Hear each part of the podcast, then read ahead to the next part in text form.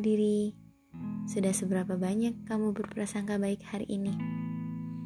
Hmm, ketika kita sudah berusaha berprasangka baik, tapi ternyata hasilnya tetap nggak baik, itu rasanya ingin nyerah aja nggak sih? Buat apa selama ini berprasangka baik? Toh yang terjadi tetap aja buruk, tetap aja nggak sesuai harapan kita. Eh, tunggu, buruk versi siapa nih?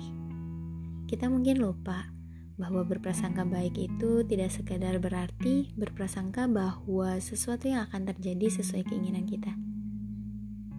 Tapi berprasangka baik juga percaya bahwa apa yang akan terjadi nanti setelah segala usaha kita adalah yang terbaik yang diatur oleh Allah, entah sesuai dengan keinginan kita atau enggak. Berprasangka baik itu meyakini bahwa seburuk apa pun keadaan yang menimpa kita, tersimpan hal baik yang sedang disiapkan Allah. Mungkin gak sekarang hikmahnya bisa kita ambil, mungkin nanti. Karena itu, prasangka baik selalu berpasangan dengan bersabar. Prasangka baik bukan pula berarti mengabaikan segala emosi negatif yang sedang kita rasakan. Gak perlu berpura-pura kuat jika memang sedang lelah. Gak perlu berpura-pura sabar jika memang sedang kesal juga nggak perlu pura-pura masang senyum paling manis di media sosial, tapi menyimpan sejuta luka di kehidupan nyata. Berprasangka baik berarti kita menerima itu semua.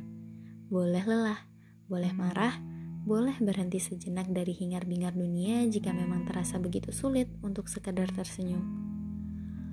Lalu salurkanlah dengan cara yang baik, entah menulis, bersih-bersih, menangis dalam sholat, atau apa pun itu.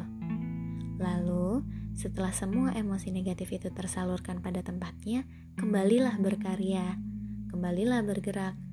Kita juga nggak boleh lama-lama larut dalam kesedihan kan? Tapi memang, jangan pernah lupa memberi waktu diri kita sendiri untuk istirahat sejenak, untuk sekedar sadar bahwa kita juga bisa sakit.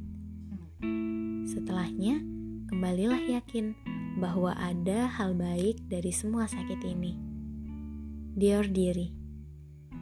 Pelan-pelan kita akan mengerti mengapa kejadian yang seharusnya begitu tapi kenyataannya tidak begitu.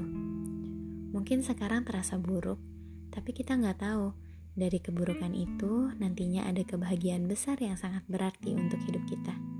Sulit, jelas iya. Tapi wahai diri, akan lebih sulit jika kita terus membiarkan diri larut menyalahkan keadaan dan terpuruk dalam ketidakberdayaan. Ada hal yang lebih mahal dari semuanya, yaitu pelajaran yang kita dapatkan dari semua proses ini. Maka sesulit apa pun, setidaknya masih ada pelajaran yang bisa kita ambil untuk bekal langkah selanjutnya. So, semangat diri. Bogor, 29 April 2020.